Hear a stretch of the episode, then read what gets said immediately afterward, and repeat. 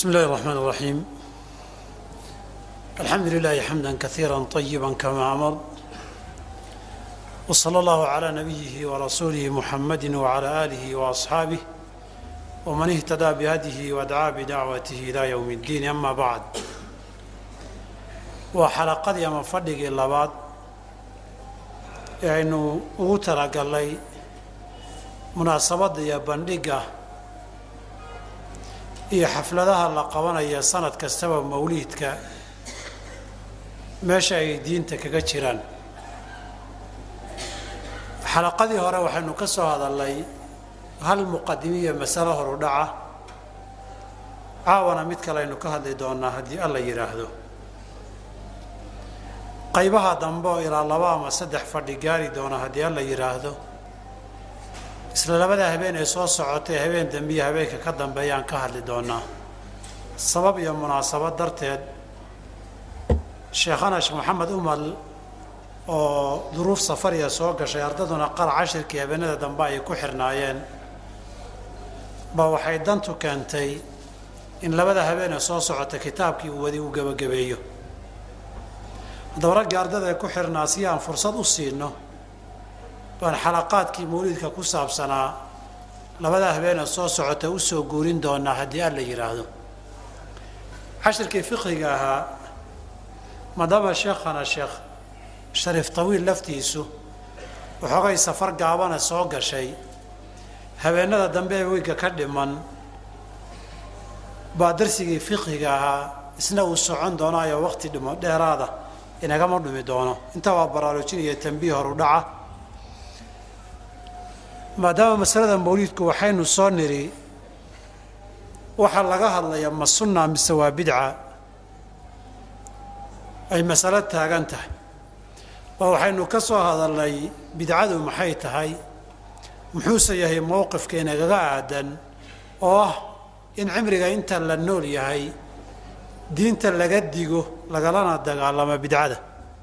Taa horeynu uga soo hadalnay masalada labaad in caawa ka hadlayna waxaa weeye maadaama dadka samaynayaay maxabo iyo jacayl nabi baan u samaynaynaa sala allahu calayhi waalihi wasalam ay leeyihiin inaynu ka hadalno lafteeda maxabada nabiga iyo xiriirka ama calaaqada ay la yeelan karta qaabka nabiga loo jeclaanayo iyo astaamaha muuqaalka jacaylka nabiga sala allahu calayh waalihi wasalam sida uu sunnada u waafaqayo iyo sida ay bidcada lafteedu u geli karto. Halkaasa waxaynu uga gudbaynaa haddii caawa aynu ka gaarno bandhig iyo damaashaadka mawliidku goormuu bilowday yaase bilaabay. Taa haddaynu wax ka gaarno xalaqada labaad waxaan uga gudbi doonaa mawliidka maxaa la akhriyaa sidiisaba? Munaasabadan mawliidka maxaa dhaca laba labadaba waa dul mari doonaa qasaa'idka la qaado iyo kutubta la akhriyo. Iyo intaa waxa dheer oo qaarkiin indhihiinna aad ku aragteen oo qaabka loo dabaaldegaa wixii ka dambeeya waxaynu u gudbi doonaa insha allahu tacaala xukumka sharciga ee ku aadan. Caawa waxaan ka hadlaynaa qaybta hore waan ku bilaabaynaa. Hadduu waqti inooga soo hero taariikh baan u gudbi doonaaye maxabada nabiga ee mawliidkan loo qabanayo sala allahu calayh wasalam maalmahana loo dabaaldegayo in makaanada iyo miisaanka sharciga ay ku leedahay iyo qaabka nabiga loo jeclaanayo iyo xuduudda ay ta leedahay nabiga jacaylkiisu sala allahu alayh ali wasalam inaynu caawa wax ka tilmaanno. Waxaanan ka hadli doonaa insha allahu tacaala afar masalaan ka hadli doonaa. Masalada koobaad waxyaabaha keenaya nabiga in la jeclaado iyo makaanada muhimadda ay diinta ka leedahay. Masalada waa ka waxbaan ka tilmaami doonaa. Masalada labaad waxyaabaha muuqanaya ama astaamaha lagu garanayo ee saxda ee sharciga waafaqsan in nabi maxamed la jeclaado sala allahu calayh alih wasalam masalada saddexaad waxaan ka hadli doonaa sidee baad uga shaqayn kartaa in jacaylka nabiga aada u qabto calayhi salaatu wasalaam uu bato ama heerkii la rabay uu gaaro. Masalada afraad aan ku gebagabayn doono jacaylka nabiga dadna waa ka gaabiyeen dadna waa ka badbadiyeen oo baabulbidac bay galeen. Afartaa masalaan insha allahu tacaala si kooban marka hore uga hadli doonaa. Masalada hore haddaan ku soo laabtay waxaa weeye sababta iyo munaasabadda nabiga jacaylkiisa waxaa keenaya iyo makaanada iyo meesha muhimadda ay kaga jirta diinta. Waxaynu leenahay nabiga sal allau alay ali wasalam labadaa haddaynu isku darno nabiga waxyaaba badan baynu u jeclaanaynaa marka koowaad waxaanu u jeclaanaynaa waayo allah baa jecel. Allihii aadamahan abuuray ee intaan haysannaba ina siiyey. Noloshu ay kow ka tahayoo goorta nafta lagaa qaada dee dhagxanta iyo gidaarka iyo alwaaxda aadan waxba doonin. Markaa qofku mayd noqdo ee naftu ka baxdo noloshana uu waayo isaga iyo degeedka iyo gidaarka iyo dhagaxa wax isma dhaamaan. Haddii uu dhaqaaq noqoto waa in la gediyo waa in la riixo waxba jacis kama yidhaahdo waxba ma kala garto waxba ma kala oga wax ma maqla wax ma arko de jamaadaadka waxaan kaga duwannahay nolosha iyo nafta. Naflayda badanna waxaan kaga duwannahay waxa inoo labeeyo nicmaa kuwa waaweyn ka mid a caqliga iyo garashada. Xooluhu waa nool yihiin shimbiruhu waa nool yihiin bad iyo barriba nafley baa jirta. Innaga laynoo sakhiray waxaynu cunno waxaynu iibsanno waxaynu daawanno waxaynu gaadiid ka dhiganno sakhara lakum maa fi samaawaati wamaa fi lardi ah innaga oo yar yara baa geelay intaa la eg wiil yar gafuurka intuu xari kaga xiroo qabto buujiidi saddex uloodna waa ku dhufanayaa waxa aan ku kala duwannahay caqligan iyo garashadan maaraynta iyo maamulkaa wey saas darteed qofkii isagoo nool markuu waasho xoolaha wax ma dhaamo maryihii la ysku asturayay intuu iska dhigo mudh iska dhigo isagoo qaawan bannaankaa ordayaa wixii dan iyo maslaxad la kala garan jiray dan iyo maslaxad ma yaqaan. Ilmuhu intuu yar yahayna isagoon caqli lahayn waxaa loogu sabraa uu caqliyaysan doonaa. Waana sababta qofku markuu waayeelay caqliga uu xoogay dhinmo inuu durbo dhinta loo jeclaado waayo raje inuu soo caqliyaystaan laga qabin. Maadaama aan raje laga qabin isaga dhanba waalidna ha noqdee culays iyo mushkilad buu noqon. Ilmaha yarkaana oo ka dhib badan waalidka qaylada kaadida xaarka mushkiladda dabka ilaalinta. Kaba dhib badan. Waxaa loogu faraxsan yahay oo raalli loogu yahoon dhimasho loola rabin soo caqliyaysanaya markuu kugu waashay ree qofkuna eed raje waxaad isbitaal tago jiinka wax ku akriya tago markaad ka soo quusato meelaha dadka waalanee isbitaallada madaari iyo meelaha naga geeya waa laga samri ilaahay ha idiin fududeeyo. Dadka waa loo tacsiyeyn. Waxaad wax weyn ku tahay caqliga maamulka iyo maaraynta iyo wax kala garashada. Meella kaa soo imanaya rabbi baa ku siiyey. Inta kale xubnaha iyo kaabayaasha allihii ku siiyey shukriga iyo nicmada iyo abaalka kaa mudnaa baa nabiga jecel sala allau alayh wasalam ilaahay wuxuu jecel yahay marka inaad jeclaataay wax meesha ku jiroon la inkiri karin wey intaasoo abaal uu kuu galay alla ilahi waxa uu jecel yahay in la jeclaado. Nabigana calayh salaatu wasalaam baa saxaabada buu meel fagaaraa kula hadlay. Saxaabada dad buu jecel yahay baa la yidhi oo marar baa la weydiiyeyoo dadka yaad ugu jeceshahay baa la yidhi. Markaasuu caaisho tilmaamay. Waxaa la yidhi haweenka kumaana weydiin haweenka maaha raggaan ku weydiinay. Markaasuu yidhi aabbaheed abubakar wey radia allahu canhu ardaa. Wuxuu ka gaaray jacaylkii nabiga abubakar jeclaa. In abubakar iyo cumar isku dhaceen. Weli abubakar baa gardaraa abubakar intuu soo nawir cumar waa kugu qaldameen iyo cafi cumar oo xanaaqsan yiri horna dhaaf. Kuna cafin beerodna dhaaf. Yiri cumar abubakar markay kala tageen baa cumar baa dib ka shallaayay. Oo yidhi ninka abubakar ahaa ha kaa qaldaman laakiin walaalow raalli aha waan iscafin uu ku yiri wallaahi diidadaadi sax ma ahayn. Wuu ka soo daba tegey ma xaggu ka raadiyey guriga waa ka waayey. Meelabluu ka de war abubakar yaarka xaggu u sii socday. Raadkii isagoo daba socda ba abubakar oo nabiga la fadhiyo ku soo baxay. Abubakar nabiga ergiya dacwi ugu tago ninka cumar ah intaan ku qaldamay baan iscafinaa niri buu diiday aan iscafinadii abubakar maxaad u diiday cumar meel khataray ka turi gaadhay markuu soo baxay nabigu nebigu waaba waa ku xanaaqayba intuu wejigu bedelmay buu yihi waryaa heedheh cumarow hal antum taarikuu lisaaxibi ninkan mii deenaysaan? Hadal xataa kama sugin. Ilaa abubakar intuu jilba joogsay rasuulka anaa ka gardaraa ninkan anaa ka gardaraa ninkan anaa ku qaldamay bal xaaladii si waxoogay u dejiyo. Abubakarkii halkaa ka joogay iyo usama oo nabigu aada u jeclaa isagii abi zayd ibni xaaria aada u jeclaan jira oo maalin ay xaalada adkaatay la yidhi arrintaa nabiga iyo erga ugu tegi kara. Waxaa la yidhi usaamuun baa u tegi kara. Oo isagii aabihii uu jeclaa. Ninkaan nimaan ahayn oo maanta ku dhiiran kara inugu ergaya arrintan ma jiro. Wixii oo dhan buu isugu yeedhay wuxuu yidhi war dhegaysta ilaahay baa aniga khaliil uu jecel yahay iga dhigtay. Anna ilaahay waxaan uga beri noqonayaa mid kastoo idinka midoo khaliil iyo waday ii dhow ahaa wadaynimadiisa allaan uga beri noqday. Waayo allah i jeclaaday jacaylka ilaahayna mid kale inaan ku dhex daroon ku lamaaneeyo ma doonayo. Halkaasuu ilaahay ka joogay. Inta ilaahay ambiyada uu soo diray agtiisa midka ugu weyn ee ugu jecel yahay weeye calaa asaxi alaqwaali wa qiila ibraahiimu calayh salaam.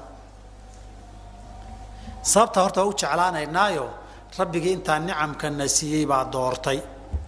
Rabbi baa jeclaaday innagana jacaylkeenna waa mudan yahay. Masalada koobaad wey arrin labaad baa intaa keliya ma aha. Ilaahi subxana wa tacaala qur'aankiisa wuxuu inoogu sheegay nabigu waa ina jecel yahay. Waa inoo naxariis badan yahay. Wax kastoo ina dhibayuu ka murugoodaayuu ka walwalaa. Wax kastoo wax inoo fududaynayana waa jecel yahay. Sunnada nabiguna waa inoo fasirtay. Ilaahay waa inoo duuduubo wuxuu yidhi laqad jaa'akum rasuulu min anfusikum casiizun calayhi maa canidtum xariisun calaykum bilmu'miniina ra'uufu raxiim waxaa idin yimi rasuul idinkeeda ka midoo bini aadama malaa'igna ma aha jinna ma aha waxaan la aqoonoo kalena ma aha waa idinka waa aadame waa ina hebel hebel oo aad taqaanaan laakiin casiizun calayhi maa canidtum waxaa ku adag wixii idin dhibaya. Oo xataa sharaa'ic iyo axkaam marka loo waxyoodo ay culays iyo dhib idinku tahay way dhibi. Israa walmicraaj baa la sii qaaday. Fowqa sabci samaawaat baa konton salaadood tuka la yidhi. Muusuu la kulmoo yidhi anaa hortaa soo tijaabiya arrintan waa dhib dib buu isu majiiray wuxuu ilaah ummadayda konton salaadood ma kari karaan. Ka fududee. Shan iyo afartan ka dhig baa la yidhi. Dhaxduu ka noqday ilahu shan iyo afartan way ku badan tahay. Afartan baa la yidhi. Dhaxduu ka jireeyey ilaa shan uu soo gaarsiiyey. Shantiiba weliba wuxuu dabcay inuu noqdo markaasuu xishooday. Shantan lafteeda mar baa damac ku soo dhacay inuu yidhi ilaahu shan lafteedu way badantahy ummaddayda ka fudude. Intaa wuxuu u samaynayaa casiizun calayhi maa canidtum amay kari waayaan. Habe hore ka dhaweyta waxaan soo sheegnay jumcadii hore. Salaatu taraawiix baa masaajidii la soo buuxiyey dadkiibuu fiiriyey ama ilaahay ku waajibiyaa buu yidhi. Waryaa kala taga kala bui guryihiina ku tukada. Inii khashiitu an tufrada calaykum.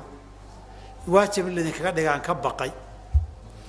Fatacjazuu canha. Marka aad kari weydaan oo kadib aad halaagsantaan haddaba intii laydinku waajibin lahaa kala carara muxuu uga baqayaa? Isagu intaa ka badan buu tukan jiray.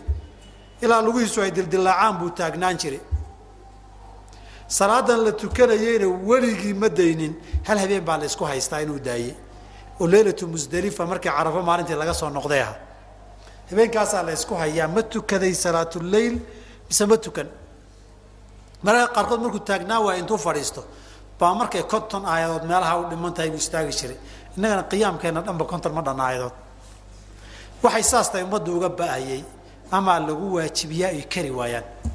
Cadayga markuu ka hadlaya muxuu leeyahay lowlaa an ashuqa calaa ummatii la amartuhum bisiwaaka cinda kulli wuduu ummadda inay dhibtaan ka baqayaan salaada cisho habeenuu soo daaho waqti dambe tukayay muxuu yidhi inahu la waqtuhaa lowlaa an ashuqa calaa ummatii ummaddayda inay dhib ku noqoto haddaana ka baqaynin salaada cishaha dib dhigo ilaa bartaba habeenkii ku dhaweeyaan dheelaha ilahay sooma dhihin marka casiizun calayhi maa canidtum wixii idin dhibaya way ku adagta marar badan buu waxyiga yimid iyo jibriil iyo hadal ku celiyaayo. War waxaan ummaddu ma kari karto.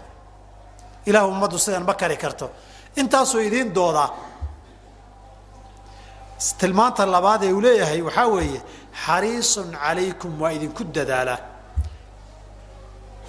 saad wax u noqon lahaydeen saad ciziya sharaf ku gaari lahaydeen saad diintiinna u dhammaystirmi lahayd buu idinku dadaalaa oo qaarkiinoo soo xaydxaytay oo cibaadaan u soo go'aynaa leh buu yidhahda hoy ma kari kartid ka daa saddexdii nin ee gurigiisa timid ee cibaadadiisa yaraysatay ee qaarkoodna yidhi anu guursan maayo qaarna habeen seexan maayo qaarna maalin afuri maayo yidhi. Intuu yeeray buu wuxuu yihi waxaa socon maayo. Anaa ilaahay idinku cabsi badan waan seexan waana soo toosi. Waa waan guursan waana soomi waana afuri. Sidaa yeela. Cabdullahi bin camr caasna maalin buu yimid rasuulka ilaahay inaan soomaan rabaa nin dhalinyaro oo xoog badanna waanahay markaasuu wuxuu yidhi waxaad samaysaa bishii saddex maalmood ka son markaasuu yidhi ka badan baan awoodaa. Wuxuu yidhi maalinna soon labana afar. Wuxuu yidhi ka badan baan awoodaa. Wuxuu yidhi maalinna soon maalinna afur. Wuxuu yidhi ka khayr badan baan awoodaa. Wax ka khayr badan ma jiro yidhi. Hadal buu ku yidhi cabdullahi bn camrirow inay cimrigaaga dheeraadoo da aad gaartaa laga yaabaa inay xayaatada kugu dheeraataa laga yaabaa. Oo aad kari weydo. Markaasuu wuxuu dhihi jiray markuu waa yeelay alla nabiga taladiisa haddaan yeeli laha taladii nabiga haddaan yeeli laha i fiicnaan lahayda qur'aanku wuxuu yidhi waxaan rabaa habeen kasta inaan dhameeyo markaasuu yidhi bishiiba mar dhamme markaasuu yidhi ka badan baan awoodaa wuxuu yidhi tobankii beriba mar dhamme wuxuu yidhi ka badan baan awoodaa toddobaadkiiba mar dhamme ka badan baan awoodaa saddexdii beri mar dhamme ka khayr badan iga dhig maba jirto wax ka khayr badan. Marka intaa uu yidhi kadib buu leeyay inaad da iyo cimriga kugu dheeraada laga yaabaa. Arrimahaas intaas wuxuu u dadaalayaa camalka waxaad awoodaan sameeya. War camalka yaree labadii kalaa ka fiican. Ummaddan wuxuu u dadaali jiray. Bilmu'miniina ra'uufu raxiim muminiinta aad buu ugu turi jiray. Aad buu ugu naxariis badnaa. Ilahay baaba tilmaamo fa bimaa raxmatin min allaahi linta lahum waxaad dabacsanaanta iyo rifqiga ku yeelatay waa naxariis ilaahay laakiin haddaad qalqallabsanoo adayg iyo guulguul iyo handadaad iyo cabsiin ummadda ku dhaqi lahayd adoo nabi ah lagaa kala yaacilo lagu wada nici lahaa oo la dhihi lahaa inkaaru ku dhacdaygan yaana dhaafiya adagoo nabi baa tahay waxyi baad u wadaa laakiin rifqi iyo naxariis hadday kaa weydo ummaddu ilaahu diintiisa iyo islaamkiisana ma rabiya yaana dhaafiyun bay istaag ummaddu weligaaba qur'aan akri axaadiid ku akri axkaam sharci aan dabaqida dheh naxariis ilaahay oo socotuu ahaa. Saa darteed ba ilahay nabiga kuwa magacaabay wamaa arsalnaaka ilaa raxmatan lilcaalamiin naxariisaan la jeclaani xaggeed ku aragtay nabi ilaahay oo kuu naxariisanaya oo naxariistaadaba loo soo diray oo culayskao dhan kaaga ba'aya oo takaaliiftii sharciga rabbigii mararka qadood ku noqnoqonaya oo ilaah ummadda waxaan ka fududee ilaahay suu kugu dadaalayo inaad jeclaatay mudanta. Inaan u jeclaana arrintaana waa u mudan yahay nabigu sal alay slam waxaa kaloo ka mid a arrintaasan u jeclaanaya nabigu alay slat slaam wuxuu habeeniya maalin waktigiisii cimrigiisii ku dhumiyey. Oo dhib kasta u maray suu inoo bari lahaa. Markaasuu wax kastaba ina baray ilaa uu yidhi laqad taraktukum calaa mili lbaydaa maalin cad dharaar oo kaleetaan idinkaga tegay. Layluhaa ka nahaariha diin habeen iyo maalin isku mid ah. Uba waa dunyadu hadday qoraxdu dhacda nalkuna damo waa la hagabsadaa. Diinta axkaamteeda de laakiin korontadu hadday tagto axkaamtii diinta mugdi ma gasho. Aayadduna waa caddahay xadiidkuna waa cadya adigu inaad bara weyda maahane diintii aad taqiinay qorax baa dhacday iyo korontaa tagtay miyay kaaga madoobaan? May indhahanunbaa wax arki waaye ilayska nuurka qalbigu wax walba waa arkaa. Bal mararka qaarkood diintuba inaan qoraxna jirin iftiin korontana uu damabay ku fiican tahayba. Markii rabbiga aada la munaajoonayso ee rabbigaa caabudayso meelaan iftiin lahayn bayba ku fiican tahayba meeshaan iftiinka lahayn habeenkii markay tahay wax cibaadadai salaadii loo faray shanqarkuwuu yaraan qayladiisa waxankuwuu dami waxa qayliyay hareerahagoo dhan way seexan wax ku waswaasin iyo wax ku mashquulin iyo wax jaba ku soo gaadhi baa yaraan. Si fiican baad rabbiga ula munaajoon kartaa markaa waxaad leedahay baad akrii kar macnihiisa fiirin karta haddaad garanayso. Marka diintu layluhaa ka nahaariha saxaabada qaar inay ku jeeseesaan bay damceen wax kastoo fiicnaa haddii la xumeeyo ama ereyga si xun loo dhigo ma xumaado asmaada iyo cibaaraadka la qorana waxa xaqiiqadee wanaagsan. Ma aha inay kaa caydhiyaan. Haddii malabkii la yidhaahdaa la yidhi malab waa malab. Soma fi erey magac fiican maaha haddii aan ku idhahda mantag shini weeye minaad ka carartaa? Ogow malagu malabku waa mantag shini waa ka yidhahdaan qayu zanabiri laakiin labada magac baa kale ah. Wixii wanaagsanaa haddii si xun lagugu dhigo diintaada inaad ka cararta maaha wax bilowdayna maa saxaabada nin kamida loo yimid oo salmaan alfarisi le radi allahu canhu ardaahu. Waxyaaba badanna taariikhda nin soo maray ahaa. Markaasaa waxaa la yidhi haye nebigiina waxa walba waa idin barayaa hadalka jees jees baa loo yidhi ogow. Nebigiina wax walba waa idin baray. Xataa musqusha saad u fadhiisanaysaan buu idinka sheekeeyaa soo maaha diintaa markaa la duraya ogow. Diin musqulo iyo saxaro ka sheekaynaysa wey baa hadalka si dadban in loo yidhahda la rabaa muslim maaha dadka weydiinaya. Isagu laakiin tii hadalka qaabka loo yidhi wax kama soo qaadin. Markaasuu yidhi nacam haa. Weliba saan u fadhiisanayn una baray. Nabigu dadaalkiisii waxaa ka mid ahaa iska daa wax waaweyn iyo diin iyo adduunye. Musqusha markaad gasha saad u fadhiisanaya meeshaad ujeedin baa jeesan baa lagu baray. Iyo saad isaga tiri lahayd. Ma malaynaysaa nabigu intuu ina baro musqul aad gashay saadkaadiiyo saxara isaga tiri lahayd aad u fadhiisan lahayd iyo dhinaca ujeedsan lahayd in wax kaloo waaweyn oo aakhare iyo adduun faa'iida noo uu naga dayn. Maya. Wax walba waa ina soo gaarsiiyey wax walbana waa laydin baray layna baray. Mushkiladdu maxay tahay? Innagu adna inaanan baranin wey innagu inaynan baranin wey waxaa la yidhi laqad callamakum nabiyukum kulla shayin xata alkhiraa xataa sida loo xaaro idin baray baa xaar buu xataa idinka sheekeeyey isagu marka ninkan ujeeddadiisa yar duritaanka ahayd wax kama soo qaad markaasuu yidhi ajal haa callamana haddaana saddex dhagax ka yar inaana ku istijaysanin buuna baray isaga tirin markaa geediya dhagax la isaga tirayo. Qibladana aanaan u qaabilin xaarka xoolaha iyo wax lamida aanaan isaga tirin buu nabiguna baray uri sal ly slam wata iyadoo faahfaahsan xataa. Marka maadaama nabig alay slam in badan cimrigiisii iyo noloshiisii ku bixiyey suu liibaanteenna labada daarood noo bari lahaa inaan jeclaana waa mudan yahay sala allahu alayh alih wasalam wuxuu kaloo u mudan yahay khasaa'is iyo waxyaabo uu khalqiga inta kale kaga fadilan yahay buu leeyahay. Wixii waxa inta kale ka fiicanna waa la jeclaadaa. Wixii sidiisaba u fiican fiicidiisaa loo jeclaadaa. Nabigu alay slat slam khasaa'is farabadaan oo kutub laga qoray baa ilaahay siiyey wa inaka la calaa khuluqin cadiimin baa la yidhi sl waa kii lahaa ucطiitu khamsan lam yucطahuna axadun qablii min alambiyaai axadun min alambiyaai qabli shan aan nabigu horreeye la siiyey aan la siin baa la siiyey aniga waxyaabo badan baa ilaahay baaba ku gaar yeelay oo dadkiisa ka fadilay oo maqaamun dadku gaari karin gaadhsiiyey adduunyada jannadana darajada ugu sarraysa siiye khasaa'ista iyo ammaantiisa markaad aragto in la jeclaado waaya. In la jeclaado waaya. Gaaladiiba waxay qorayaan boqolkii ninee ugu fadli badnayd adduunka taariikhda bini aadamka ugu fiicnayd. Baa ninkii gaalka ee maraykankaa markuu qoray number kow buu nabi maxamed ka dhigay sal ly slam oo gaalkiiba hadduu qirayo boqolkii adduunka ugu ficneed kow inuu ka ahaa adiga muslimkaa xaggee joogtaa marka waxaa kaloon u jeclaanaynaa jacaylkiisaa waajiba oo jacaylkiisaa cibaado ah oo isaga jacaylkiisa la'aantii baan islaamnimo jiraynin oo iimaan baan jiraynin oo jannaan la gelaynin. Asalka caqiidada iyo tawxiidkay ka mid tahay. Markaa islaamaysa laa ilaaha ila allahu muxamadun rasuulu llaahi adoo necab haddaad afka ka tiraada islaamnimadu ka ansixi waa inaad jacayl iyo niyad u haysaa. Qadar asaasi oo waajib oo fardu cayn ana way leedahay qof kasta laga doonayo. Aakhirkana waxaa lagaa rabaa diin ahaan. Aabbaha iyo hooyada iyo awowyada iyo ilmahaaga iyo inta aad is nolol wadaagteen isqabtaan iyo in allaalay intay kula dhalatee walaalo ahaa.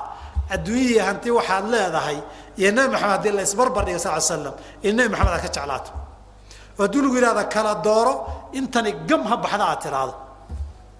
Ilahay sooma dhin qul in kaana aabaa'ukum wa abnaa'ukum wa ikhwaanukum wa aswaajukum wa cashiiratukum wa amwaalun iqtaraftumuuha wa tijaaratun takshawna kasaadaha wa masaakinu tardawnaha axabba ilaykum min allahi wa rasuulih hadday aabbayowgin iyo ilmaha dhasheen iyo walaalihiin xaasaskiinna qaraabadiinna xoolo aad shaqaysateen ganacsi khasaare aad uga baqaysaan guryo aad aada ugu qanacsan tihiin oo degan tihiin ood leedihiin haddii aad ka jeclaataan oo idinkala weynaadaan allah iyo rasuulkiisa iyo dariiqiisana aad ku jihaadaan intaasoo dhan allah iyo rasuulkiisa inay kaala weynaato lama ogolo. Maxabadu marka laba darajo weeye wujuubkeedu. Qaar waa fardu cayn waa asaaskii tawxiidkuu ku asaxaya wey qadarkaa la'aantii islaamnimada ma asaxdo qadarna waa aayaddan kan ay sheegtayoo naftaada xataa inaad ka jeclaataay waa qaarka kamaalul wey ilahi subxana wa tacala wuxuuna yidhi annabiyu wlaa bilmu'miniina min anfusihim. Nabigu isagaa ka mudan mu'miniinta naftooda. Oo meeshan haddii la yidhaahda naftaadiiyo ta maxamed waa taada inaad khatarta horgelisa wey yaa baaqi noqon isagu ha dambeeyo. Khubayb markay nimankii reer maka a qabteen intii la qabtay loo dhiibay reer maka ragu ghaswatu bedri qoorta u caseeyena loo dilayey baa fagaarihii lagu daldalayay marka la soo istaajiyey. Baa waxaa la yidhi heedha khubayb oo ma jeclaan lahayd in lagu sii daayo oo booskaaga maxamed la soo geliyo? Sala allahu alah wasalam nimankii reer maka way ogow markaasuu wuxuu yidhi taa iska daa anoo halkan ku jira isagoo gurigiisa joogo qodax inay muddo maana jeclaadeen. Idinku in la keeno oo la dilo aad ka hadlaysaane aniga anoo lay dilayo dilkayga kuma badasheen nebi maxamed qodaxa muddo. Maalinkii xudaybiya heshiiska la gelayana nimankii reer maka waxay la yaabeen. Qaarkood markay yimaadeene saxaabadu se nabi u xurmaan u jecelyihin arkeen. Waxay yidhahdeen weligayo nibay dadkiisu u jecel yihiin sida maxamed dadkiisu u jecel yihiin maanaan arag. Hadduu hadlo shib jabaq agtiisa kama yeerto. Wax sameeya hadduu yidhaahdo lama kala hado duuduub baa loo aadayaa. Fariista hadduu yidhahdo nin taagnaan maayo. Hadduu biyo ismarmarya dhulka ku dhici maayaan xaka hadduu iska tufaata dhexdaa laga dafayaa bay yidhahdeen weligayaba tan oo kale maana arag saasaa la rabaa. Markaa jacaylka nabiga sal la alay alay wasalam sida loo jecel yahay ninka soo gelay waa inuu taabtaa dareemaa walidaalika nabiga jacaylkiisa heerkaa la gaadhsiiyee dambe waa min baabi nawaafil oo lagu kala darajo dheeraado. Waxaana tusaya cumar radi allahu canhu baa nabigu u yimid. Nabigoo jacaylkiisu ka hadlay. Wuxuuna yidhi laa yuuminu axadukum xataa akuuna axaba ilayhi min nafsihi wa waalidihi wاnnaasi ajmaciin iimaanka qofkiin ma rumayn manaa kaamil ma noqonin wey. Cumar baa nabigu iyo rasuulka ilaahay wuxuu yidhi wax kastaba adaan kaa jeclaa marka tayda laga reebo. Tayda marka laga reebo adaan kuugu jeclaayo markaasuu yihi weli maada gaadhin ilaa xataa taadu ay iga dabamarto. Cumar dib uu isugu noqdayoo go'aan kale uu soo gaaray. Wuxuu yidhi bas xataa tayda adaan kaa jeclahay. Haddaad haysaa baa la yidhi meesha la rabay. Marka hore gaal baa tay lama dhihin ogow waayo kamaalkii weeye kamaalulmaxabadii wey asaaskeedana waa fardu cayn oo iimaankay ka mid tahay kamaalkeedana waa taas. Waxaa lagaa rabaa marka. Nebi maxamed calayhi salaatu wasalaam inaad naftaada ku furato ood maalkaaga ku furato oo isaga difaaciisu uu ka muhiimsanaado taada iyo naftaada iyo reer iyo ilmo difaacooda. Bal waxaa layna gaarsiiyey adoo salaad ku jira haddii nebi maxamed kuu yeer alay salaam salaadda waad la hadli kaana jabi mayso. Maalin buu saxaabi u yimid citbaan ibni malik la yidhaahdo gurigiisu uu yimidoo yaa citbaanu buu yidhi. Isna salaad buu ku jiray. Salaaddii buu boobsiiyeyoo uma jawaabin. Markaasuu nabigu wuxuu yidhi markaan kuu yeeray maxaad ii ajiibi weyday? Rasuulka ilahi salaad baan ku jiray buui waa cudur daartay ogow markaasuu nabigu wuxuu yidhi miyaadan maqal alam tasmac qowla idaa dacaakum lima yuxyiikum ya ayuha aladiina aamanuu istajiibuu lilaahi walirasuuli idaa dacaakum lima yuxyiikum wax idin noolaynaya haddii laydinku yeeray ajiiba sooma arag nabig slam wuxuu u tilmaamay isagoo salaada ku jiray inuu ajiibo rasuulka sal ly slam baa laga rabay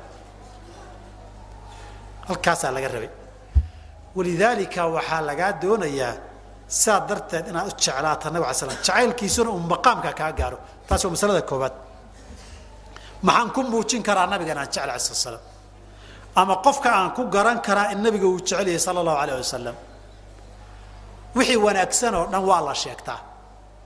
Laakiin ninku wax kastoo uu sheegta ma aha adiguna saad ismooda ma tihide waa sida lagu yaqaan. Haddaad adigu isu haysata nin akhyaaroo dabeecad macaan isu haysato dadkuna kuu yaqaanaa nin geed ku-xidhoo horka-eri iyo dabakeeri midna aan ogolayn kee tahay adiguna nin aa isu haysato aad u dabeecad fiican.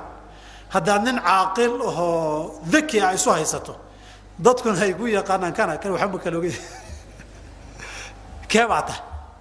Soo ma dhacda marar badan nin isu haysta wax si fiican u yaqaano. Dadkuna ay u yaqaanaan kan waa iska yeelyeelahay iska keenkeenay wax ma garanayo. Soo ma badna.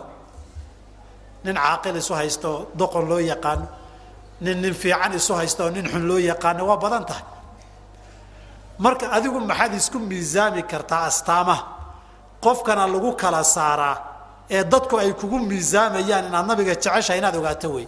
Miisaankaan ka hadlayna waa miisaanka sharciga. Miisaanku waa miisaanka sharciga. Cilmiga iyo shariicada aqoon sheegashadeeda iyo adduunyo iyo diinba ninkii sheegta waan aqaanaayoo nin khataraan ha yidhaahda maaha macnaheedu. Waa ninkii camalkeedii laga arka soo maa ninkii halkaa dhakhtar ka furto. Ee yidhaahda cudurrada takhasus baan lehe waan daweeyaa. Soo in laga arko cudurradii inuu daweeyey oo yaqaano maaha hadduu boor weyn iyo xayaysiis weyn samaysto waxna uusan aqoon. Oo markii loo tago waxba laga dheefi waayo. Ama wixii dhakhtar lagu aqoon jiray laga waayo mamay kaa been loo weeyey sidan khaldinubahadhow lagu dhihi. Waxaad sheegata maaha haddaba shariicadeennu astaama waxay samaysay in lagaa helo la doonayo. Adna aad isku miisaamayso dadkana lagu miisaamayo. Astaamaha koobaan dhowr dhowr ama madaahirulmaxaba waxaa la yidhahdaan dhowr astaamood ka tilmaamaynaa kow waxaan leenahay jacaylka nabi sal ly slam waa in jidkiisa la raacaa kowka ah.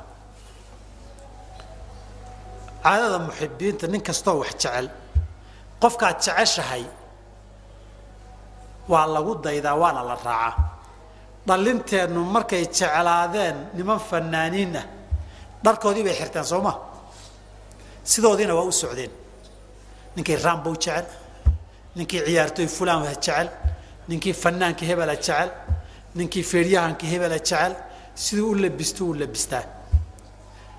Qaarkii waxoogay xanuunka miskaha ka qabay ama wagdaha lahaa kuwii jeclaaday qonfay isu wada yeelan soomaad arag qaar naafooye baa aragnay si hebel isugu ekaysiinay war maxaad u samay markaad tidhaahdo wallahi ninkaa waa jeclahay noobu ku leh waa ka helaano kuwii kooxaha taageerayey bal u fiirsa kooxaha dhallinyaradeenna ciyaartooyga adduunka iyo bahashan soo baxday nin walba kooxda uu taageersan yahay funaanadeedu xidhaa soo ma? Okay haddaan kooxdan taageersanahay oon jeclahay kuwa ka soo horjeeday funaanadooda xidha ka war haddaad nabiga jeceshahay diinti sunadiisiina ku tumata ka waran yada. Waxaa la ina almuxiba liman yuxibu muiicu ninku ninkuu jecel yahay waa raacaa jacaylkaagu hadduu dhab yahay ood kooxdan jeceshahay sideeda aad samayn iyagaad raaci. Haddii nin siyaasi aad jeceshahay oo maanta isliibuu imanayaa la yidhaahdo ma ka maqnaan fagaarahaadoo kari kara laakiin haddii la yidhaahdo sunnadii nabigaa halkaa lagu dhaqmayaa oo jeceshahay kana dhaqaaqdo maxaa halkaa ka muuqanaya? Waxaan leenahay astaanta koobaad ee in lagaa helo ay tahay waa inaad u degdegtaa kuna dadaashaa raacitaanka hadyigiisi iyo sunnadiisi sababtoo waxaad rumaysan tahay dariiq la raaco waxaa ugu qiimo badankiisi. Qof lagu daydana isagaa ugu fiican. Inta ninba nin isku matalana isagaan ugu jecla haddaad ku darta laakiin waxba kaga dayan maayo. War ereygaaga iyo dhaqankaagu waa kala duwan yihiin. Ereygaaga iyo dhaqankaagu waa kala duwan yihiin. Innaga hadda xarago badan baa inagu soo kordhaysa sow maa waxaan gaarnay ninkuu jecel yahay ninku iyo filinkuu jecel yahay isagoon aqoonin inuu turjumo nin baa filin hinti buu daawanayaa. Ha saasuu yidhi. Saasuu yidhi maanta dhan ku leeyahay haddii aad afintiga miyaa taqaanaa tiraada wuxuu ku leeyahay maya laakiin actionkiisi unbuu ka helay si u raacraacayay u raacraacayay bay luqadu noqotay. Marka nin almuxiba liman yuxibu muiicun waa ta koobaad. Nabi maxamed ma jeceshahay alayhi salaam. Haa waa in raacitaanka kudayashihiisa laga helo. Waad jeceshahay labiskiisii labiso. Oo timihiisu kuwaagi kuwiisu kuwaagii isku day inaad u ekaysiin karto oo salaadaada salaadiisi inaad u ekaysiisa ku dadaal oo wuxuu wuxuu necbaan jiray iska ilaalin jiray iska ilaali. Waa hadday kaa dhab tahay wey. Laakiin haddaad tiraahda markii aan waxa kaloo dhan joogana qoladaan jeclahay waan isku shabahi waan isu ekaysiin. Laakiin nabiga waan jeclahay afkaan ka jeclaha afkaan ka jeclaha uurka laakiin waa yar diidan yahay waa dhici kartaa. Waxaad afka ka diidan tahay uurka ka jeceshahayna waa dhici karaa saas darteed mutaabacadiisu waana halka ugu khatarsan wey innaga mushkiladayna haysata waxaa weeye maxaba aan mutaabaco lahayn oon raacitaan lahayn oon kudayasho lahayn. Haddaad sunnadiisii waa bidca tiraahdo oo kaalay dariiqiisii aan raacna aad ka dido oo wuxuu diidi jira oo dhan aad kula fiicnaadaan wixii isaga la fiicnaana aad ka cararto ood astaamihii muuqaalkiisa u ekaayee sunnadiisa ah aad ceebayso haddana waa jeclahay aad tiraahdo nasiib darro wey. Waxaa lagaa rabaa warkii aad tihi waan jeclahay ha kaa muuqdo. Dharkaaga ha ka muuqdo socodkaaga ha ka muuqdo dhaqankaaga ha ka muuqdo. Wixii lagu yidhahdaa waxaa nabigu ma jeclayn daa wixii lagu yihahdaa wuu jeclaana u degdo oo ku carar. Saasaa lagaa doonayaa. Saxaabadu waxay leeyihiin maalin maalmaha ka salaam baa raashinna loo keenay. Nooc khudaartii saarayd ka mid ah buu nabigu jeclaan jiray kiibuu qaadqaatay saxaabigu wuxuu leeyahay maalinkaa laga bilaabo baalkaa meeshaan ku arka waan qaadqaadanay maanan aqoon jirinoo ma jeclaan jirin lakiin nabigooba qaadqaadanaya haddaan arkay. Waabaan jeclaaday bui waaba la qabsadayo. Waxaan ku qabatin baan ku noqday. Markaan raashinka soo fadhiisto horta isagii baan ka dhex daydayaa buu yidhi. Maxaa sababa? Nabigaa jeclaa sal allau alayh wasalam saasaa lagaa doonayaa. Astaanta labaad xuskiisa inaad badiso wey oo magaciisa aad badiso. Ood ilaahay ku caabuddo nabiga inaad badiso magaciisa iyo salligiisa.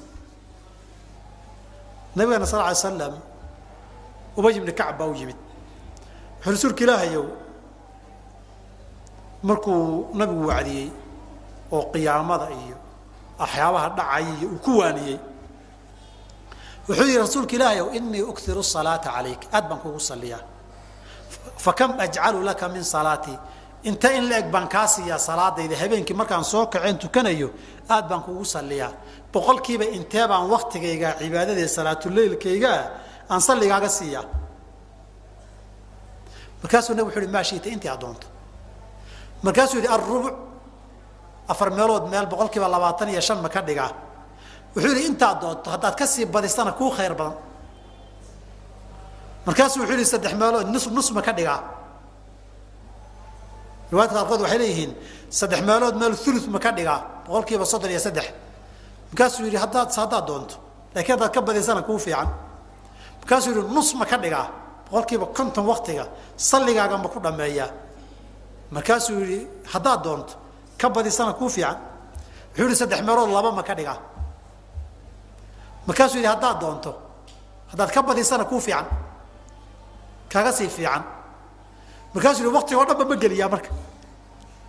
Xilligii habeenkaan soo kacay oo dhan salli nabi ma ka wada dhigaa. Markaasuu nabig alay slam wuxuu yihi markaas idan tukfaa hamak wa yukfaru laka dambuka.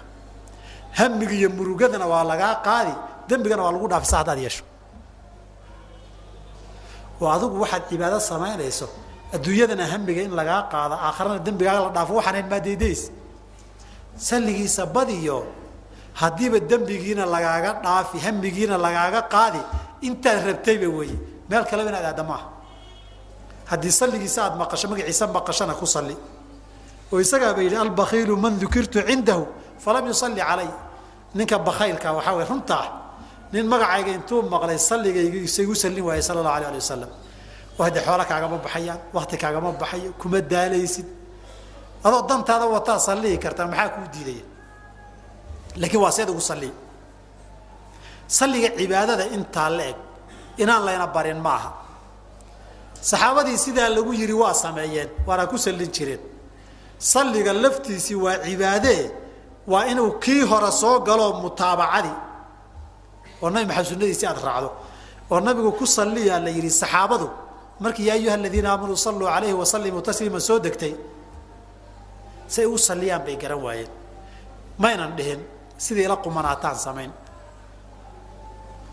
Man maskaxdeeda saan ka helo marna xagga u jeedi marna jiir iyo dalcad baan saari marna god iyo tog baan ku dhaadhicin mayna dhihin marna wi baan dabaalsiin marna baddaan makuursiin ma dhihin. Rasuulkay u yimaadeen waxay rasuulka ilaahay waxaa nala amray inaan kugu sallino. Iyo salaam baa nala amray salaamta waan garannay. Fa kayfa nusalli calayka halkaas saxaabadu markay leeyihiin waxaad ka garatay waxay fahansanaayeen nabiga ku salliya calayh isalaatu wasalaam inay u baahan yihiin in la bara say ugu sallin lahaayeen.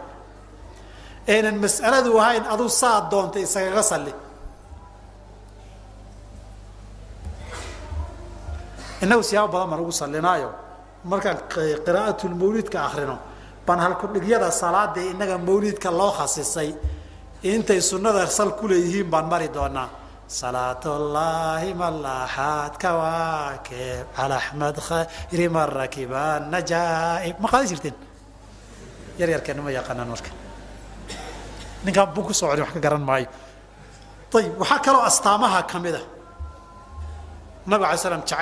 ah in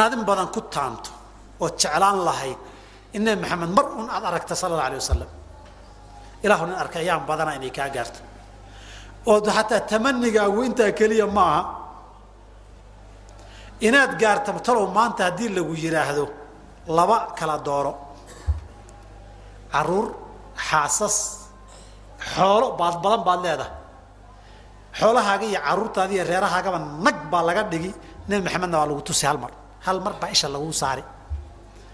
Laakiin bishardi in xoolahaaga nag laga dhigo waa inaad raalli ku noqon lahayd ood ka jeclaan lahayd xoolahan iyo reerkan iyo nag ha dhahaane ilaahu hal mar un indhahayaa ii saara.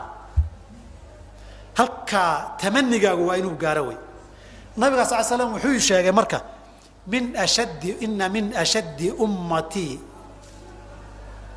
xubban lii ummaddayda kuwa igu jacayl badan waxaa ka mid a naasun yakuunuuna min bacdi. Dad gadaashayda iman doonan i soo gaarin. Yawadu axaduhum low ra'aanii biahlihi wa maalihi midkood wuxuu ku gadan lahaa xoolihiisi iyo reerihiisoo dhan aragtidayda ku iibsan lahaa. Dadkaasaa dadka igu jecel ka mid a kuwaa isku daynaa ka mid noqoto. Haddii aragtidii maba haynee bal inaad aada niyadaadu marar badan waa inay gaartaa allahu yaa nabi maxamed arka. Yaa arka weeye laakiin yaa arkada mid baa khalada. Alla markuu nebi maxamed soo baxay haddaan dadkii noolaa ka mid noqon lahaa ha dhihin. Laakiin nebi maxamed haddaan arki lahaa dheh nin saxaabada iyo nin taabiciga is arkay ninkii taabiciga wuxuu leeyahy hebelow haddii aan noolaan maxamed alla haddii aan dadkii loo soo diray uu la kulmay ka mid noqon lahaa markaasuu niyow saa ha dhihin. In badan baa aragtay oo gaalowday buui in badan baa aragtay oo gaalowday. Haddaad ogaan lahayd buu yihi xilligaa uu soo baxay in la rumeeyaayo culayska ay caadada iyo dhaqanka iyo bulshada ka dhex leedahay hadalka maad dhahen waxaa dhici karta buu yidhi intaad joogtay xilligaa inaad gaal noqon lahayd aduu diintii caga dhigatay oo dhulka la sifeeyey unbaa timide. Bilaa gaal noqon lahayd yidhi haddaad xilligaa joogto baasha marka inaad aragtay inaad jeclaan lahayd iyo imtixaanka inaad geli lahayd waa kala laba. Inaad ku taamtaan lagaa doonayaa. Allah yaa nabi maxamed arka. Ilaahu mar haddaan arki lahaa. Nin arkay ayaan badanaa laakiin taa lafteedu waswaas inay isu bedesho maaha. Oo mudutuushi baxdaba wakaa isagii aad tiraahdo nin baa jin iyo shaydaan hadduu arkay nebi maxamed inuu arkay u fasiran. Mid baa wuxuu yihi nebi maxamed baa xalay arkay. Markaasa waxaa ihi maasha allah waad fiican tahaye bal nebi maxamed shaydaan isuba ekaysiiye bal tilmaan. Markaasuu nin madow oo gaaban buu tilmaamay. Markaa nebi maxamed maaha kuli kale ku dhacday. Markaas nebi maxamed maaha. Marka inay maxabadii lafteedu inay awhaam iyo waswaas intay kugu noqoto. Xataa jin iyo shaydaan hadduu kuu yimaado aada fasirata nebi maxamed inuu yahay iyada meesha kuma jirta sala allahu alayh alih wasalam aragtida la tamaninayo waa aragtidii saxda ahayd wey oo tilmaantiisii iyo sifaadkiisii iyo wixii sunnadiisi iyo hadyigiisi iyo shamaaishiisa lagu yaqiinay ah. Taa inaad ku tamanid in aragto. Oo haddaad soo jeed ku arki weydo ilaahay inuu kugu tuso. Hurdada inuu kugu tusiyo riyada mid baan idiin sheegi laakiin caalamulhindi haddaad dhex tagtaan. Is-ilaaliya nebi maxamed wuu dhintay jacaylkii nabiga huluwiga galay waxaa ka mid aan tilmaami doono nabi maxamed wuu dhintay lama dhihi karo. Ninkii dhintay wuu dhintay dheh waa gaal. Rag baa madaxa la dakray nabi maxamed wuu dhintay intay dheheen war gaalka dila la yidhi. Qaarna hadda nabi maxamed ka soo kala kacno jiiradaasaan kula sheekaysanayay buu ku leey waxaa kadaba faaideen makhaayadda hebel meesha luuqaa wada fadhiisanay jacaylka nabiga ala sl slam haddaba aragtidiisu waxa inaga inoo soo haray waa laba. In ilaahay uu ku riyo kugu tuso riyo sax oo sifaadkiisi iyo shamaaishiisi u leeyahay. Iyo inaad tamanida aakhare xisbigiisa arkay inaad ka mid noqoto. Laakiin hadda nolol banaan intaad ku aragtay inaad la sheekaysatahay waa shaydaan waxaad aragtay. Nabi maxamed maad arag sal alay wasalam oo wuxuu leeyay meeshaas ugula kulmayo markay saxaabadu isleynayeen buusan u soo bixin adu qiimaynta leeg baad leedahay si uu kugu soo baxee uluuqyada islii iyo dee qarfaha soomaaliya markuu kuugu imanayo. Saxaabadiisii oo madiine dagaal ka socdoo maka la duqaynaya usan u soo bixin. Adiga wuxuu kugu soo baxayaa. Waa waxa la yaab leh. Bilaal radi allahu canhu ardaahu waa kii nabiga muadinku ahaan jiray. Nabigii baa dhintay sal ly slam madiinana muadin buu ka sii ahaa. Wuu adkaysan waaye waayo markuu masaajidka yimaado guryihii nabiguu arki isagiibuu xasuusan ma adaami karo. Adaankiibuu adaami ashhadu anna muxamadan rasul magaciisa markuu soo gaaro bay oohinaya ilina jiq isxiri hadalkaa ku xirmi wuxuu yidhi mayho meeshan ma joogi karee? Waan isaga tegi. Wuu ka tegay oo shaam buu iska aaday. Mudduu iska maqnaa. Waadan buu soo maray madiina. Markuu soo galay baa waxaa la yidhi nimaan adi ahayn aadaami maayo. Bilaal baa yimid soo maa nin kale masaajidka ka aadaami maayo. Aadaankiibuu bilaabay markuu shahaadateynka qaybtii dambe soo maray jiq hadalkii waa ku xirmay. Macanaa xasuustii nabiga alay salaam baa jiq oo xirtay. Gabadh maatl gabadh muslimiinta saxaabiyaadka ka mid ahayd baa maalin waxaa soo booqday nabigu uu booqan jiray ba abubakar iyo cumar baa u yimid. Markay u yimaadeen bay soo dhaweysay gabadhii waa iska oyday radi allahu canha ardaha cumar iyo abubakar waxay yidhaahdeen waxaad noo sheegtay waxaad la oyday haddayna qabatana waa nu ooy. Noo sheeg waxay tidhi nabiga waxay ooyinta ka keenayna sheekadaa nabiga martay sal ly slam waxay tidhi isagoo ma ooyin dhimasho de meel ka fiican buu aaday. Laakiin waxaan u ooyey waxyigii baa istaagay markuu dhintay sala allahu alayh alih wasalam marka jacaylka nabigu markii marar badan siiradiisii iyo taariikhdiisii ku soo marto waa in tamaniga iyo jacaylku mararka qaarkood aad naftaada xakameyn weyda wey laakiin waa inayna xuduudda sharciga inaad ka gudubto kugu xambaarin oo tii hore mutaabacadii baa weli kuu taagan jidkiisa inaad raacdo.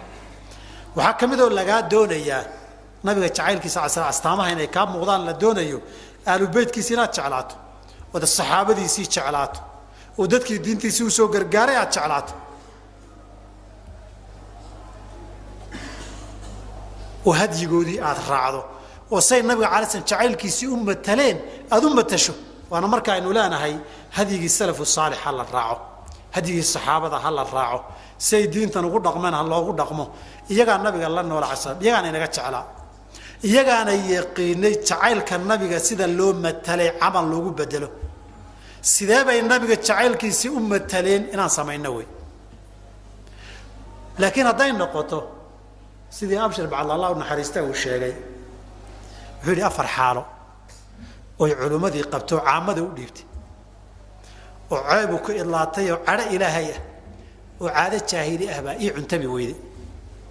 Waxaa ka mid ahaa inuu yidhi carshiga kursiga rabbaalahoo lagu ciseeyaay markuu xoogay soo waday wuxuu yidhi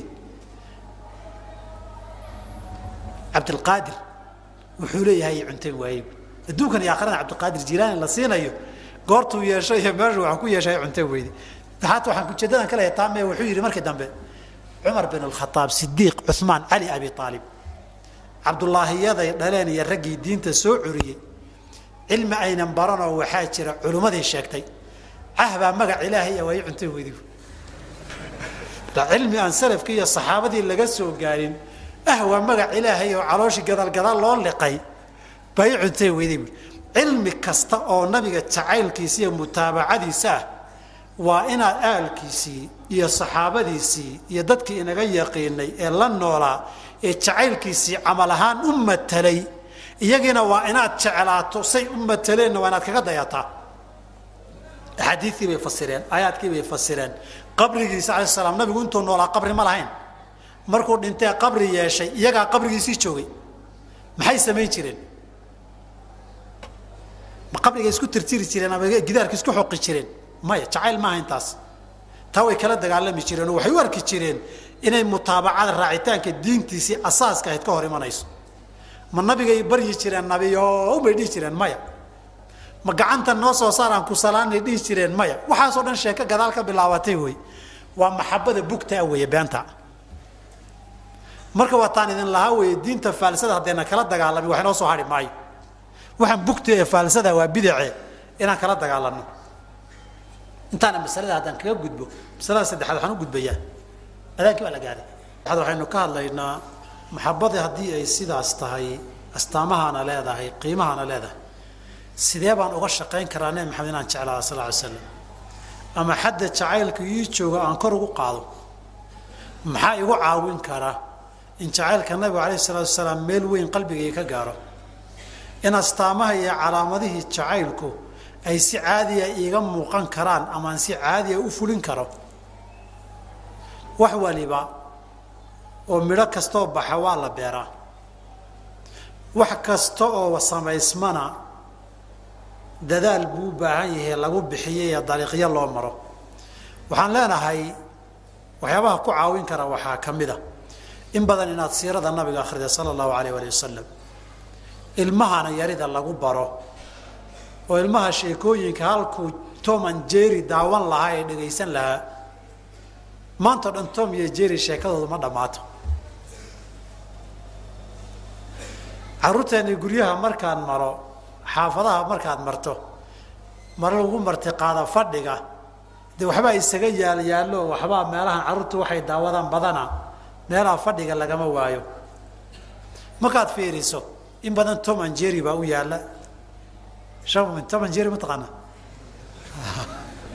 waxaa kaloo yaalla filan ay aada u daawadaan caryararku ay jecel yihiin oo king lion la yidhaahdo baa guryihii ka buuxa.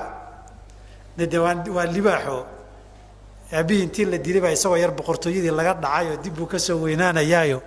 Boqortooyadu soo dhacsanayaa nimankii soo kariyay buu afgelminayaayo sheekadaas iyo kaartoonadan nabiga alay sl ilmihii yaraanta in la cabsiiyo nabiga maqaamkiisa iyo jacaylkiisa iyo siiradiisa oo yarida lagu xifdisiiyo. Halkuu kooxa banooni iyo fulaan iyo fulaan iyo kooxebel iyo kooxebel iyo xulka ingiriis iyo talyaan iyo brazil iyo uu baran lahaa. Iyo intii john iyo michael la bari lahaa. In la baro nabiga alay salatu salaam iyo ayaamtiisii iyo siduu ahaan jiray. Ilmo yaroo lagu tarbiyeeyey baan tusaale idin siin. Gabadh soomaaliya oo gaalowday waad maqasheen. Oo ayaan xirsi la yidhaha anagu ayaan daran baan u bixinay. Nin filimada sameeyaa filin la jilay gabadh qaawan oo faatixa hor laabta kaga qoran tahay iyo dhabarka oo salaad tukanaysa. Qisada waad maqasheen baan u malayn. Ninkii wiil baa dilay. Laakiin waxaan idhi haddii wax la dilayo ama waa la iska daayaa ama sidaasa wax loo hubsadaa. Maalin barqacad ah. Magaalada bartankeeda caasimadda ahayd buu muddu ilaashanaye bastooladna wuu soo qaatay bilaabo intaa la waa soo qaatay wiilkii. Ninkii oo socduu dabagalay wuu dhaafay laba baaskiil bay wataan. Waa ka hor yimid oo baashii uula baxay. Waa ku dhuftay. Waa ku celiyey. Waa ku celiyey. Saddex markuu ku dhuftay buu dhacay. Laba kale u raaciyey shan markuu kaga dhigay bashiisi waa xirto waa gashaday intuu bilaawihii la baxay buu bireeyey oo gawracay magaaladii o dhan baa daawanaysa. Markaasuu intuu bilaawiina kor saaroo mindi yar haddana la baxay oo waraaquu qoray dul saaray buu musbaar uga dhigay. Markaasuu intuu qamiiska sii daystay wuu ku dul shanlaystay. Oo cadarna isku buufiyey. Markaasuu meel beera iska galay ninkiibaa aftibaa maxalushaahidkayga aftibaa magaaladii journalistihii iyo videogiibaa ciyaalkii waraysteen marka waxay ugu yaabadnaa laba wiil. Mid toban jir meelahaasoo ha midna afar iyo toban jir buu ahaa. See loo kala weyay laakiin loo kala siyaasad badan. Kii toban jirkaha bay weydiiyeen. Ka warran ninkii la dilay. Marka ninku aad buu nabiga iyo diinta u caayi jiray. Joornaalada iyo wax jinnigu ku qori jiray.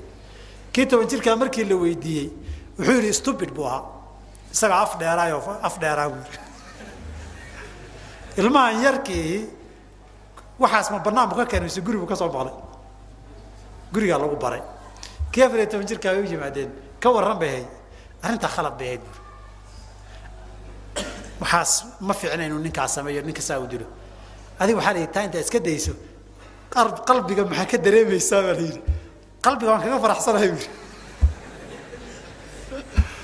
qalbiga waan kaga faraxsanahay. Ninkan yarka marka waxaa keliya wuxuu ninkan kaga yar caqli roonaa waddan baa la joogaa gaalaa lagu dhex nool yahay qawaaniin baa jirta. Hadhow baa lagu qabsanoo maxkamadii waxbaa lagu geyn way ficneed haddaad tiraahdo. Intii wuxuu leeyahay dee qaanuun baa waddanka ka jiro waxaan khalad buu ahaa.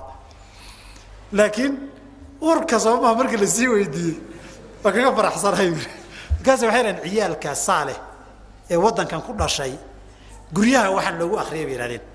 Halka maxalushaahidkan raba halkaa wey ilmaha guriga waxbaa lagu cabsiya waa laga dhaadhiciyaa. Hadba waxaad barta wey haddaad tom and jerry bartana waa tom and jerry ilmahaagu haddii ilmahaaga siiradii nabiga iyo aad bartana waa siiradii nabiga sal alay slam walidalika salafku waxay dhihi jireen callimuu abnaa'akum magaazi rasuulilah sal slam ghazawaadkii nabiga iyo siiradiisii ilmihiina bara. Adiguna in badan markaad akrido wax badan oo jacayla kuu kordhaya. Waxaad ku farxaysaa ghazawaadkiisii guulihii uu gaarayey shirqoolladii uu ka baxsanayay. Waxaad la wadaagaysaa inaad ka naxdo mardabadii loo maleegayay iyo shirqoolladii jacaylku qalbigaaga waa ku badan intaad badisaba intaad akriyaysaan noofallada toofallada aad akriyaysaan iyo tuugada buugtoodii john kriamiti aad akriyaysaan meelaha dariiqada ka buuxa akriya siirada nabiga sala allahu alay ali wasalam garaan dhallinyaradaan la hadlaya. Hebel wuxuu qoray iyo buuggii hebel iyo kooxeblo buugta laga qoray iyo markaan meelaha mara buugta toofallada cusub baan fiirfiiriyaa. Waxaanaad akhriyaysaa ninkii tuuggii hebel iyo fanaankii hebela wuxuu qoray iyo iska daaya waxba ka faa'idi maysaan waagaasaan meeshaa tegey saasaan u heesay intaasaa timid iyo buug waxaa akhriyaysaan oo kaleeto buug jacayla. Ciyaalka qaarka loo diidana qaar baa bustaha intay isku dadaan oo hoosta toosh ka shitaan bay meeshaa ka akhriyaan waxaa intaa iska daysaan siirada nabiga akhriya wixii kale adduunkan idin anfacaya maahane arrinta labaadi wax badan xasuusnow jacaylka nabig alay salaam adduun iyo aakharaba ajir baad ka heli. Dembigaagaa lagu dhaafi hami baa lagaaga qaadi. Arrintaa wax badan xasuusnow oo kugu caawinaysa jacaylkiisa inaad kor u qaaddo. Waxaa kalood xasuusataa sunnada nabiga calayhi salaatu wasalaam inaad weynayso ood ku dadaasho hadal nabigu yiri inaadan dabamarin sal ly slam markaad magaca nabiga maqasho dhegtaadu inay istaagto. Ibnu cabaas wuxuu leeyahy intaan dadku wax isdabamariska keenin. Waxaan ahaan jirnay haddaan maqla nabigaa yidhi dhegtanadana kor baan u qaadi jirnay. Waxaa la sheegaya intaan aamusnaan dhagaysan jirnay. Marba nabigaa yidhi hadi ilahi sal lay wasalam laakiin markaad beenta nagaga dhex darteen ninkaan naqaaneen aaminsannahay markuu nabigaa yidhi yidhaahdo ninkaasaan dhegaysanaa kuwa kale waxaan ka cabsanaa waxaan jirin qoorta inay noo geliyaan. Waa in nabiga magaciisa ala slam iyo sunnadiisa marka la sheego aad aada ugu dadaasho wey waa inaad ixtiraamto wey waa inaad qadarin badan aada u hayso. Waxaan intaad ku dartaa oo kaleeto dadka jecel ee sunnadiisa difaaca inaad jeclaatood ku lug xidhato wey kuwaan sunno nabiba dan ka lahayn. Diintiisa raacitaankeedana waxba ku falaynin. Waxba durbaan been iyo demdem yuusan kuu garaacin masalada ugu dambaysan ku soo gabagabeynaya qaybtan waxaa weeye jacaylka nabiga alay slat salaam qolyana waa ka gaabiyeen kuwa ha noqon. Kuwana waa ka badbadiyeen ee kuwaana ha noqon. Xuduuddii sharciga ku ilaali. Kuwa waa ka gaabiyeenoo maantao dhan nabiga haddii agtooda lagu sheegayo sala allahu alayhi wasalam ma laha. Maantao dhan haddaan sheegno saasaa u soo wada jeedaan inaad wada maqantihin baad moodaan sala allahu alayh wasalam intee leeg baad dhahdaa albakiilu man dukirtu cindahu? Bakayl waxaa la yidhahdaa nin laygu agxusay falam yusalli calaya aan igu saa nabiga ala sl slam bakaylnimadu min aljafaa'i wey. Goy nabiga iyo ka gaabinaya gaboodfal xaqiisii wey. Waxaa kaloo ka mida diintiisa inaad bidac ku darto. Ood uba malayso diintiisu inay bidac u baahan tahay. Oo diintu macnaheedu yahay ma dhammaystirna. Taana baabulbidca baan kaga soo hadalnay waxaa ka mid a axaadiistiisi inaadan aqbalin oodan u hogaansamin sunnadiisii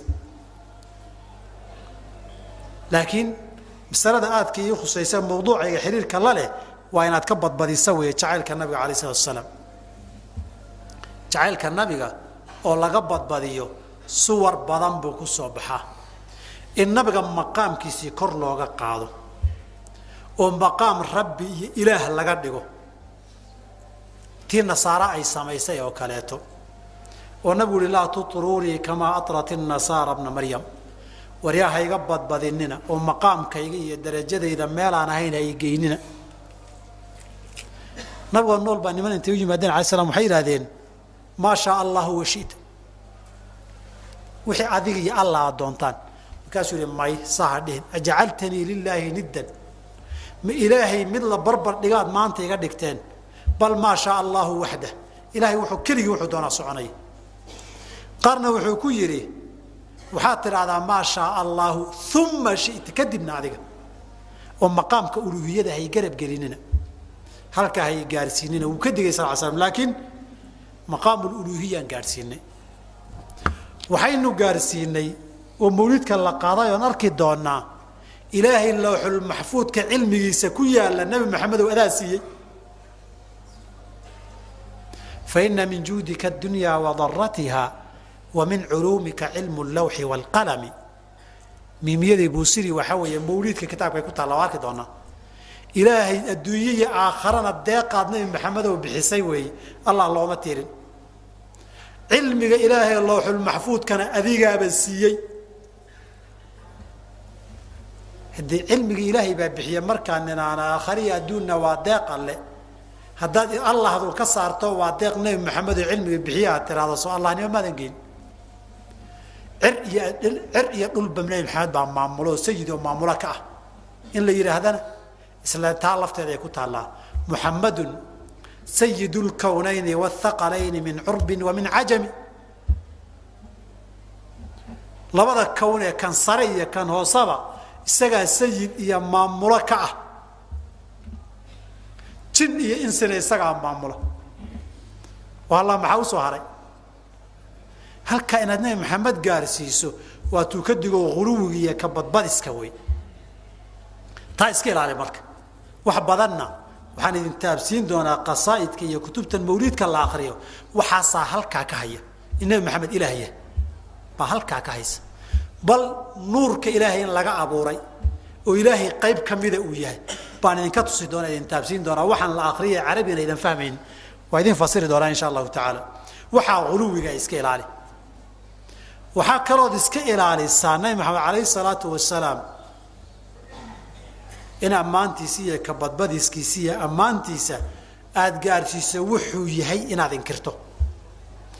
Daa'ifadan dariiqooyinkan hindiga ka mid yahe baryaweliyada la yidhaahdo ee duubka cagaaran xirata duubka cagaaran haddii afrikada galbeed la joogo waa astaan tiijaaniye wey haddii hindi la gaarana waa baryaweliyada wey haddii aad turkiya tagtana waa naqshabandiyo wey baryaweliyada waxay leeyihiin nebi maxamed ma dhiman wuu nool yahay. Innagana mawliidkeenna waxaa ku qoran nebi maxamed. Intaasoo malyan oo qof buu noqdaa habeenka mawliidka koow qolo walboo meel durbaan ka shidatana wuu u tagaa wuu dhex fadhiistaa somaydaan arag miis la kursi la dhigoo bannaan. Iyo meel maxalulqiyaame in la yidhaahdo maxalulqiyaamida nabigii baa soo gelaya wey. Kursigaana isagaa fadhiisanaya wey. Afartii wadaadee meel duub durbaantumataba intuu u yimaado in saxaabadiisiina uu iman waayo se wax la yaab le maa midda kale nabigu markuu maka joogayna makuu ku ekaa markuu madiino joogayna madiinu ku ekaa magaalada nairobi baa wuxuu leeyahay laba boqol oo meelood buu kursiga ku fadhiyaa. Waa tacaduday soo maarid waa uluwi jacaylkiisii bay ka mid tahay baa la yidhi. Saa haddaadan dhihin nabiga ma jeclin minaan been sheegaa nabiga jacaylkiisaa nabigii waa nabi maxamed waa dhintay calayh isalaatu wasalaam. Inuu dhintayna maqaam iyo fadli bay u tahay. Rafiiqulaclaa waana isagaa inta la dooransiiyey doortay. Isagaana sheegay ma dhimanin intii la yidhi baa kuwa soomaali ah baa madaxa laga garaacay wuu dhintay intay ka dheheen meel nimanka baryooryada ay joogaan nimankana saa noo galay waxaa war daa'ifadaa ma yihiin. Markaasay dheheen haa war magaciin jiriya isaga cararaan kuri meeshaan madaxan idinka quwaaxin. Quluwiga waxaa kaloo ka mid a nabiga calayhi salaatu wasalaam in lagu ammaano wax muxaramaada. Xaflad mawliid baa la qaban rag iyo dumarkiibaa saa isugu dhex yaacaya. Ikhtilaad muxarama ka dhacaya. Gaal baa xafladdii nabi maxamed jacaylkiisa ka khudbaynaya. Sawiradaa bigta la ysku hayaa. Geel baa la saaran yaho magaalada dariiqa lagu wareegaya siga nabiga meesha sal hore ka dhacday jacaylkii nabiga saasaa lamideed taa waxaan in badan faahfaahin doonaa teeda markaan tagay quluwiga waxyaabahan jacaylka nabiga ka mid ahayn wey ee xuduuddii sharciga aan ku koobnaynba dembi iyo macsiya la samaynaya jacayl nabina waa laga dhigaya waxyaabaha saa darteed nabigu alay salaam laba arrimood inaad ku dadaasho weeye marka nabiga. Kow waa bashar. Malagna ma aha rabbina ma aha inta uu bashar yahay ee basharnimadu ay keenaysa waaya oo maqaamka uluuhiyada saasuu uga sokeeyaa dhinaca kale basharkiibuu ugu fadli badan yahay oo ilaahay maqaam iyo darajo nubuwo geeyayo basharkan kale ixtiraamka iyo mutaabacada kula mid maaha. maqaam uluuhiyana ha geynin. anigu ila mid yaho waxima dheerana ha dhihin. labada arrimood ku dadaal saa darteed ba waxaynu leenahay maxabada nabiga calayh isalaatu wasalaam uluwi iyo bidac baa la geliyey. Waxaan maxabo jacaylkiisii ahaydna maxabbaa laga dhigay. Tii jacaylkiisii ahaydna waa laga saaray. In diintiisa la raaco oo hadyigiisa lagu dhaqmo oo isaga aqwaashiisii afcaashiisa shariicadii looga dambeeyana bidcaa laga dhigay. In la heeso oo durbaano la tumo oo rag iyo dumar la ysdhex yaaciyo oo sawiro iyo gaalo la keeno oo isagii rabbi iyo uluuhiye la gaarsiiyo taana waxaa laga dhigay jacaylkii nabiga. Intaba jacaylka nabigu wuxuu keenayaa in dab la qabadsiiyoo la gubo oo ikhtilaadka la kala cayriyo oo munaasabadda nabiga jacaylkiisaa gaalka laga cayriyo oo heesaha laga mamnuuco oo nubuwada maqaamkeedii loo daayo oo aan ilaahnimo la gaarsiinin diintiisii tawxiidkiisii si loo xifdiyo.